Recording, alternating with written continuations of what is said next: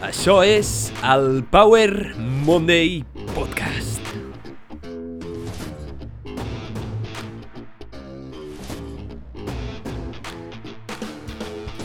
Benvinguts al Power Monday Podcast. Soc en Pau, el teu apassionat de salut, inspiració i ciència, i estic molt agraït de que estiguis escoltant aquest episodi. Tots sabem que la salut té 5 pilars bàsics. Dormir, nutrició, exercici, mentalitat, relacions socials tots sumament importants per sostenir una vida pròspera i feliç, però existeixen destructors, hàbits tòxics que poden destruir quasi tot el que fas, poden destruir els teus fonaments i la teva salut. Avui parlem d'un d'ells, que és el tabac. I seré honest, jo no he fumat mai, ni mai fumaré, perquè sóc asmàtic, no sé el que és ser fumador.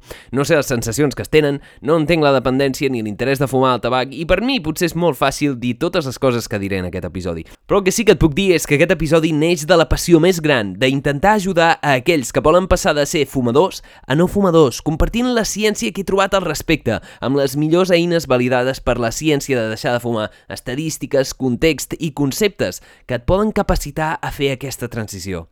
Crec que la gent respon molt malament a normes imposades, però bé a les raons. I un cop entenguis què passa i per què passa, pots prendre millors decisions basades en la teva biologia, el coneixement del comportament humà per millorar la teva salut si vols. I també la salut dels que t'envolten. Mai estaré en contra dels que fumen, però sí que estaré sempre en contra dels efectes de fumar i els seus impactes a la nostra societat. No et jutjo, ets lliure de decidir fer el que vulguis, però ets responsable de la teva salut. Així que si vols passar de ser fumador a no fumador, o coneixes algú que creus que pot ajudar aquest material, aquest contingut, aquest episodi és un bon punt de partida. Si creus que aquest episodi realment et pot ajudar, escolta'l fins al final, perquè pot ser que t'ajudi a fer la transició a ser una persona no fumadora. Abans de començar aquest episodi, deixa'm fer-te un petit recordatori. Si us plau, si t'agrada aquest contingut i creus que té el potencial d'ajudar a algú a viure millor, comparteix-lo i t'estaré molt agraït perquè faràs arribar més lluny el missatge d'aquest episodi. Pots escoltar el podcast a moltes plataformes com Spotify, Google Podcast, iVox, Apple Podcast, on tenim-ho, on em posis un m'agrada, un seguir i si pots una valoració i així l'algoritme m'ajudarà moltíssim. També, si em poses a seguir, no perdràs cap episodi. Em pots trobar, per últim, a la xeta i també a Instagram a arroba PowerMondayShow, on em pots enviar missatges, dubtes, preguntes i molt més. Avui parlarem del tabaquisme, un dels hàbits més perillosos per la nostra salut. Espero que aquest episodi ajudi almenys a una persona a fer la transició de ser una persona fumadora a una persona no fumadora i estaré molt content, perquè com veuràs, els beneficis són increïbles. Anem a començar aquest episodi sobre el tabaquisme. Anem a començar amb una mica de context. Com està el tema del tabac? Uh, fa anys que se'n parla, però quanta gent fuma realment i a quants els hi afecta i què els afecta? Quines són les estadístiques mundials? Doncs bé, prepara perquè les estadístiques són serioses i són impactants. Gairebé un de cada quatre adults en el món fuma tabac. Un total de 23% de les persones d'aquest planeta fumen tabac, el que la converteix en la droga més consumida pràcticament en aquest món. El 15%, sí, el 15% de totes les morts en el món estan associades amb el consum de tabac.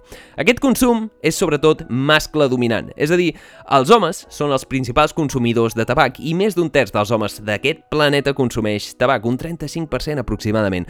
Per contra, les dones només un 6% consumeixen tabac. El fet de que els homes siguin més propensos a fumar es reflecteix en les estadístiques de salut, especialment en càncer de pulmó, per al qual eh, fumar és el factor de risc primari, el principal. Veiem que a tots els països del món els homes tenen moltes més probabilitats de morir de càncer de pulmó que les dones. El tabaquisme és un dels problemes de salut més grans del món, per no dir el, que més. Milions de persones viuen amb mala salut a causa del tabaquisme i al voltant de 8,7 milions de persones moren d'una mort prematura a causa del tabaquisme. Mort prematura vol dir que moren abans de que s'ho tocaria, per tant perden anys de vida. Durant tot el segle XX s'estima que al voltant de 100 milions de persones han mort prematurament a causa del tabaquisme, la majoria d'ells en països rics. Ara estem veient un fet fascinant, i és que les càrregues sanitàries del tabaquisme estan passant de països d'ingressos alts a països d'ingressos baixos a mitjans. Algunes estimacions suggereixen que mil milions de persones podrien morir a causa del tabac al segle XXI, però veiem com les restriccions legals en els països desenvolupats en quant a producte i a màrqueting per les empreses del tabac s'estan movent a països en desenvolupament on no existeixen aquestes restriccions per limitar el seu consum. Per tant, Veiem com les tabacaleres s'estan movent estratègicament a països en vies de desenvolupament causant tots aquests estralls epidèmics que causa el consum de tabac, que és el primer factor de risc modificable en quant a mortalitat en aquest món. Més de 7,7 milions d'aquestes morts, del 8,7 milions, són resultat directe del consum de tabac, però hi ha una trista veritat darrere el consum de tabac, i és que un 1,3 milions de les persones que moren relacionades amb el seu consum no són fumadors. Moren perquè estan exposats al fum de segona mà o el que es diu fumadors passius. Aquestes morts són molt tristes i és que molts que no són fumadors moren a causa d'aquest hàbit que tenim els éssers humans, que és fumar. Seguim amb una mica més d'estadístiques. A nivell mundial, més d'una de cada cinc morts per càncer s'atribueix al tabaquisme i gairebé el 90% dels càncers de pulmó s'atribueix al tabaquisme. De fet, en quant a mortalitat, s'estima que fumar mata més gent que l'alcohol, la sida, els accidents de cotxe, les drogues il·legals, els assassinats i els suïcidis combinats. I, tristament, són morts completament prevenibles només per un mal hàbit que tenim els éssers humans. Si ho mirem com a producte, el tabac és l'únic producte que si es consumeix com es suposa que s'hauria de consumir, mata de manera prematura a més del 50% dels seus consumidors. Això no passa amb altres productes de consum. El tabac mata els seus consumidors. Segons el Centre de Prevenció de Malalties, el CDC, es calcula que l'esperança de vida dels fumadors és almenys 10 anys més curta que la dels no fumadors. Deixar de fumar abans dels 40 anys redueix el risc de morir per malalties relacionades amb el tabaquisme en un 90%. Per tant, ja no només parlem de temps de vida, sinó qualitat de vida. Com et deia, el 15% de les morts en aquest planeta estan associades al tabaquisme. Però estem parlant que això afecta el nostre període de temps que estem aquí vivint. I no només càncer de pulmó. Fumar pot causar càncer en tots els teixits i òrgans, així com danys a la vista i debilitats òssies. Augmenta el risc de tots els tipus de càncer i té efectes adversos molt incòmodes, com per exemple que les dones eh, els hi dificulta el fet de quedar-se embarassada i en els homes els hi causa disfunció erèctil. Però per aquells que deixen de fumar, hi ha un gran avantatge, un gran avantatge positiu amb beneficis físics, immediats i durador. Si has estat estat atent a totes aquestes estadístiques, t'hauràs adonat d'una cosa, i és el missatge principal que espero transmetre en aquest podcast, i és que el problema del tabaquisme no és cap broma. El problema del tabaquisme és tan greu que solucionar-lo suposaria l'avenç més positiu en la salut global que la humanitat podria fer. Solucionar aquest problema hauria de ser la nostra prioritat, probablement número 1 en quant a salut pública, i és que ajudar la gent a ser no fumadora fa possible que milions de persones puguin viure una vida més llarga i saludable. En aquest episodi no intento fer sentir malament la gent que fuma ni els jutjo.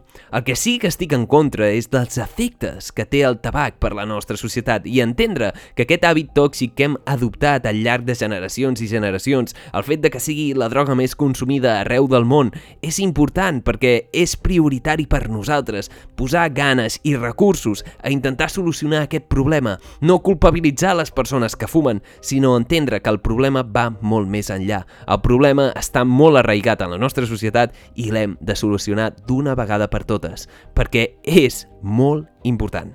Espero que aquest missatge quedi clar. Fumar tabac no és bo per la teva salut, ja ho saps.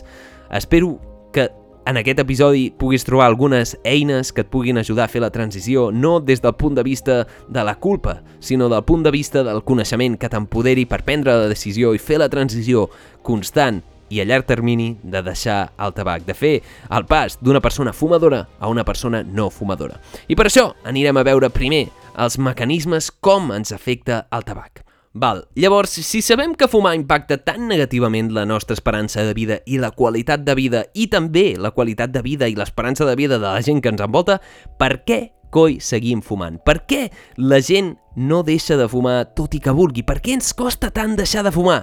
La resposta curta és la nicotina. La resposta llarga és un conjunt de factors socials, culturals, promoguts per dècades de màrqueting incisiu de les tabacaleres. Els lobbies, sumat a això els efectes psicoactius farmacològics de la nicotina i altres compostos que estan posats intencionadament per generar dependència als seus consumidors. Això és complex, però la nicotina és la part més important. És d'on provenen la majoria de resultats de per què, coi, ens costa tant deixar de fumar. I per què, tot i que la gent vulgui, perquè la majoria de gent que fuma vol deixar de fumar, no pot. Parlarem més endavant sobre la nicotina i de com ens afecta exactament el tabac i la dependència que genera, però què passa quan fumem i què passa quan ho deixem? Anem-ho a veure. Amb cada inhalació, el fum que poses en contacte amb les teves vies aèries exposa el teu cos a més de 7.000 substàncies químiques que són tòxiques. Des del principi, el quitrà, un material negre i resinós, comença a cobrir les dents i les genives, danyant l'esmalt dental i finalment provocant càries. Amb el pas del temps, el fum també danya les terminacions nervioses del nas, provocant la pèrdua de l'olfacte. El tabac fa que mengem pitjor perquè danya el nostre olfacte, perquè la pèrdua de capacitat olfactiva fa que els menjars saludables, els aliments saludables, no tinguin gust a res i necessitem menjar menjars processats rics en greixos, sucre i sal per tenir un estímul normal. Per tant, veiem que hi ha una relació directa entre fumar i l'obesitat, tot i que fumar pugui, ser, pugui estar relacionat amb una disminució de l'apetit. Però tot i això, sabem que la gent que fuma menja pitjor. Després, dins de les vies aèries i respiratòries, el fum augmenta la probabilitat de patir infeccions, així com malalties cròniques com la bronquitis i l'emfisema. Ho fa danyant els cilis, unes estructures minúscules semblant a pèls com els pèls d'una enfombra, que el que fan és mantenir les vies respiratòries netes. A continuació, el fum omple els alveols, els petits sacs d'aire que permeten l'intercanvi d'oxigen i diòxid de carboni entre pulmons i sang. Un fet essencial que ens permet estar vius. Un gas tòxic, conegut com a monòxid de carboni, travessa aquesta membrana cap a la sang i s'uneix a l'hemoglobina i desplaça l'oxigen que normalment transportaria al cos. Aquesta és una de les raons per què fumar et pot privar d'oxigen, et pot causar la dificultat de respirar. No només perquè perdis capacitat respiratòria, sinó perquè el monòxid de carboni fa que els teus globus vermells no puguin captar oxigen. Bàsicament, és com si respiressis menys. No tens el mateix oxigen en sang. 10 segons després d'una calada, el torrent sanguini transporta un estimulant anomenat nicotina al cervell, provocant les sensacions agradables que fan que fumar sigui molt addictiu.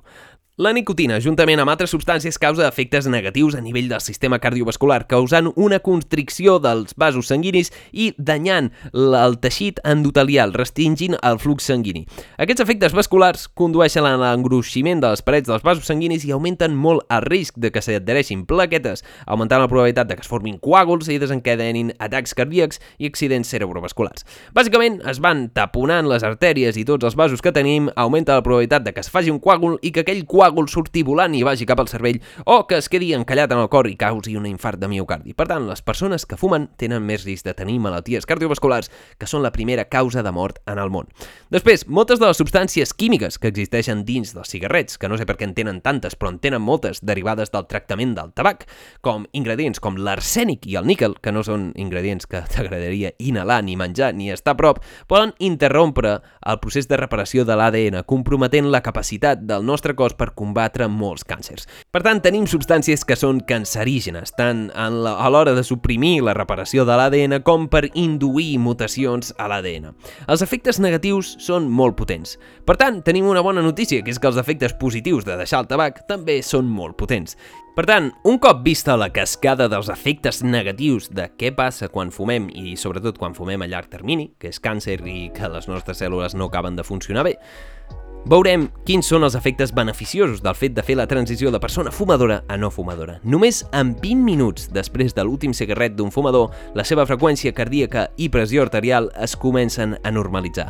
12 hores després de deixar el teu primer cigarret, els nivells de monòxid de carboni s'estabilitzen i augmenta la capacitat de transportar oxigen a la sang, per tant tens més capacitat respiratòria. Un dia després de cesar, el risc d'atac cardíac comença a disminuir a mesura que la pressió arterial i la freqüència cardíaca s'acaben de normalitzar. Dos dies després, les terminacions nervioses responsables de l'olfacte i el gust comencen a recuperar-se. Per tant, a partir de dos dies després ja començaràs a notar els gustos molt millor. Els pulmons es tornen molt més sants al cap d'aproximadament un mes, amb menys tos i menys dificultat per respirar. Els delicats cilis, que t'he dit que danyava el tabac, semblants als cabells o als pèls d'una alfombra de les vies respiratòries, els pulmons comencen a recuperar-se en unes poques setmanes i es recuperen completament 9 mesos després de deixar de fumar, millorant la resistència a infeccions i disminuint el risc de patir malalties obstructives pulmonars cròniques o enfisema o altres malalties. A l'aniversari, és a dir, al cap de 12 mesos després de deixar de fumar, el risc de malalties del cor es redueix a la meitat a mesura que millora la funció de vasos sanguinis. Cinc anys després, la possibilitat de que es formi un coàgul ja ha disminuït dràsticament i el risc d'ictus continua reduint-se. Després de 10 anys, les possibilitats de desenvolupar càncer de pulmó mortal es redueixen un 50%, probablement perquè recuperem la capacitat de reparar el nostre ADN. I per últim, després de 15 anys, la probabilitat de desenvolupar una malaltia coronària és essencialment la mateixa que la d'un no fumador. Per tant, veiem que el fet de canviar d'aquest petit hàbit que és consumir tabac Només en poc temps ja veiem beneficis a curt termini en la nostra capacitat respiratòria, en el fet de sentir-nos millor, i després, al cap dels anys, disminuïm el nostre risc de morir abans i de tenir malalties que afecten la nostra qualitat de vida. No té sentit fingir que tot això és fàcil d'aconseguir, que deixar de fumar és fàcil o que és accessible i que la gent és culpable de no fer-ho. Deixar de fumar pot provocar ansietat i depressió com a conseqüència de l'abstinència de nicotina. Però afortunadament aquests efectes solen ser temporals i deixar de fumar és cada cop més fàcil gràcies a un gran arsenal creixent d'eines que et parlaré al final de l'episodi. Però sabem que al voltant del 70% dels fumadors diuen que volen deixar de fumar però les propietats addictives i els efectes d'abstinència ho fan molt difícil. I és que això no és fàcil, requereix molta feina. Només el 5% dels fumadors aconsegueix deixar de fumar per compte propi per la seva pròpia decisió. Així que si ets d'aquest 5%, et felicito, has aconseguit una fita molt increïble que és deixar de fumar per al teu compte propi. I de fet, el 75% de les persones que intenten deixar de fumar recauen durant la primera setmana i de mitjana sol portar uns 6 intents a les persones deixar de fumar. Per tant, anem a parlar ràpidament de nicotina, com funciona la nicotina i què coi fa que això sigui tan addictiu. Primer de tot, vull que quedi una cosa molt clara, i és que la nicotina no és la responsable de tots els efectes perjudicials, dels mètodes d'administració d'aquesta.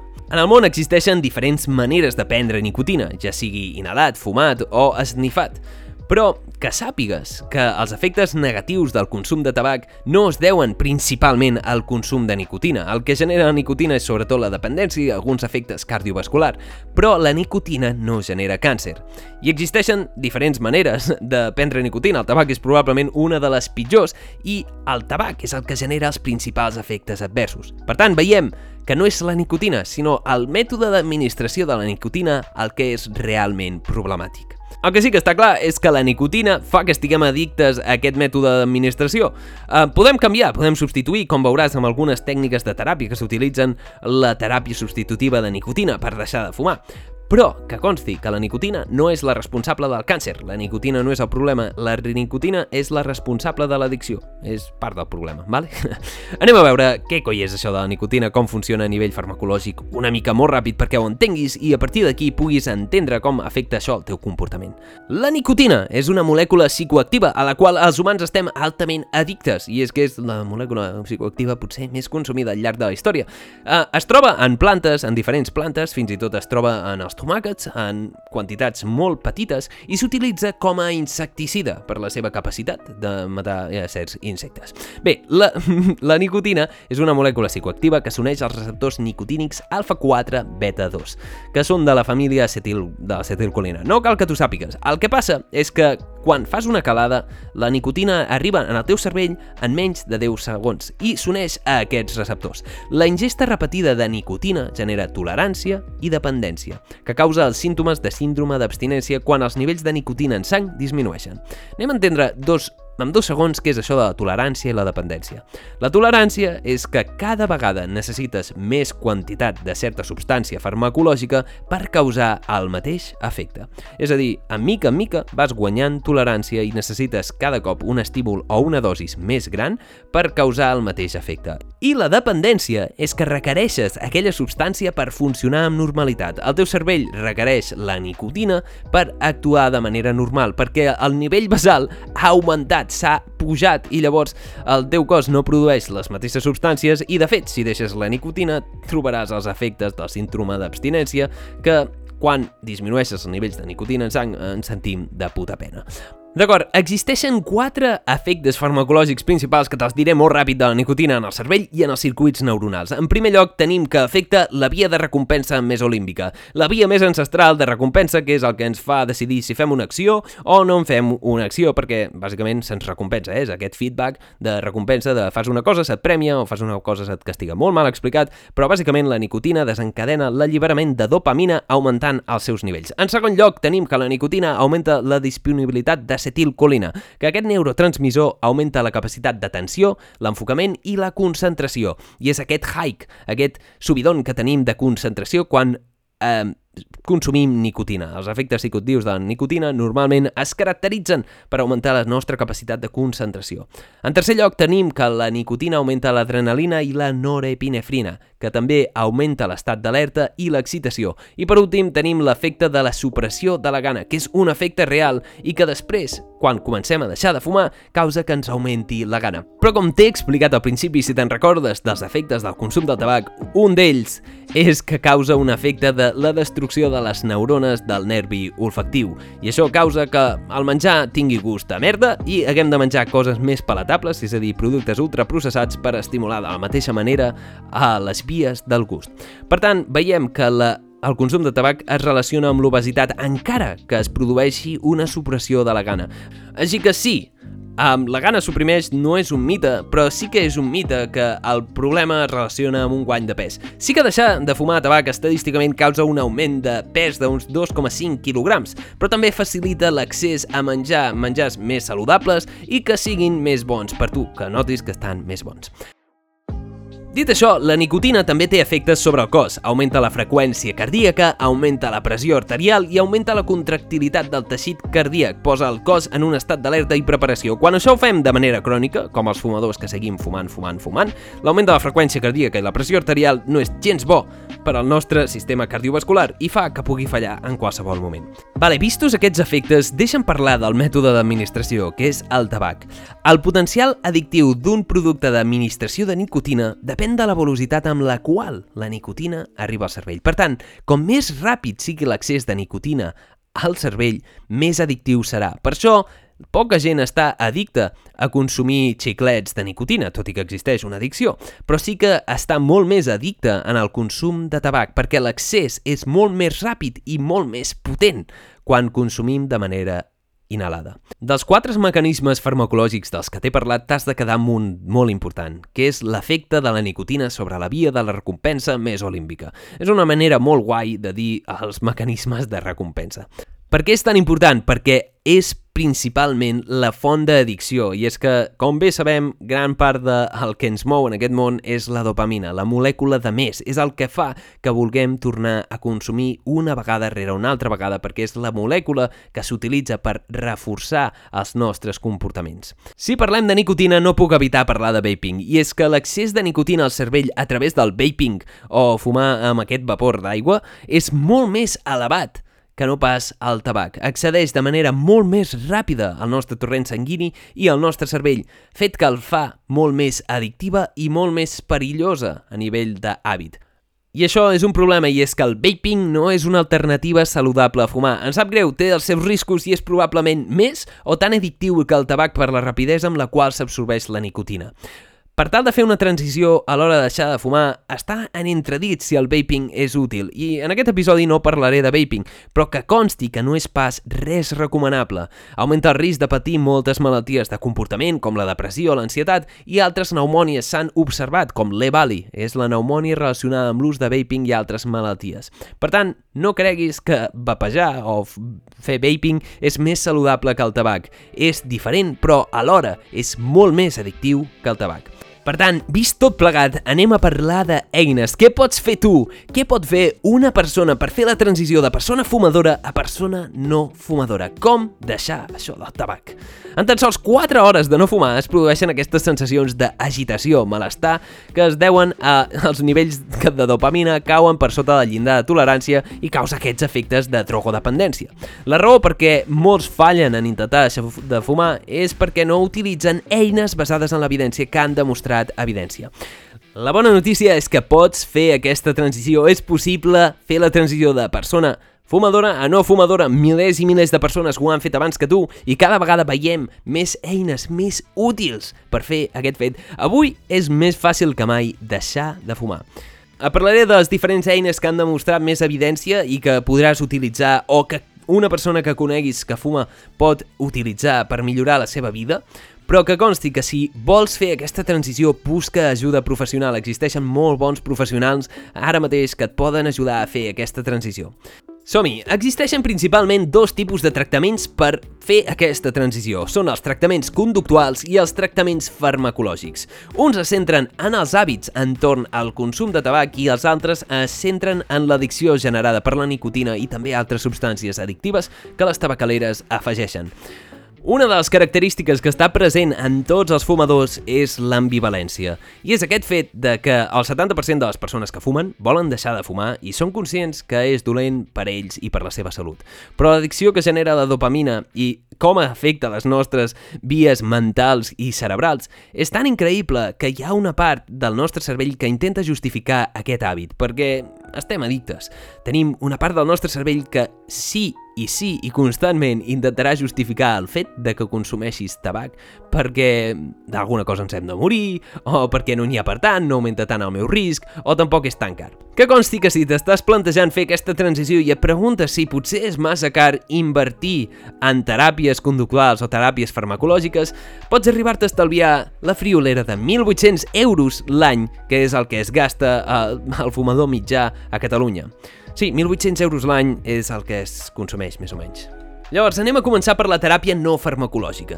Si vols tenir un canvi d'hàbits de debò, el primer cas de canviar és realment la teva identitat. James Clear, en el seu llibre Atomic Habits, desmunta a la perfecció aquest concepte. Existeixen tres capes del canvi de comportament, i és que molt sovint intentem canviar el nostre comportament canviant els resultats o els processos, i esperem que finalment això canvi la nostra identitat i les creences. Però en realitat, el que és més efectiu és fer-ho al revés. Canviar la nostra identitat ens pot permetre canviar els processos per tant, el resultat de manera molt més efectiva. L'èxit real és quan un hàbit saludable es converteix en part de la nostra identitat.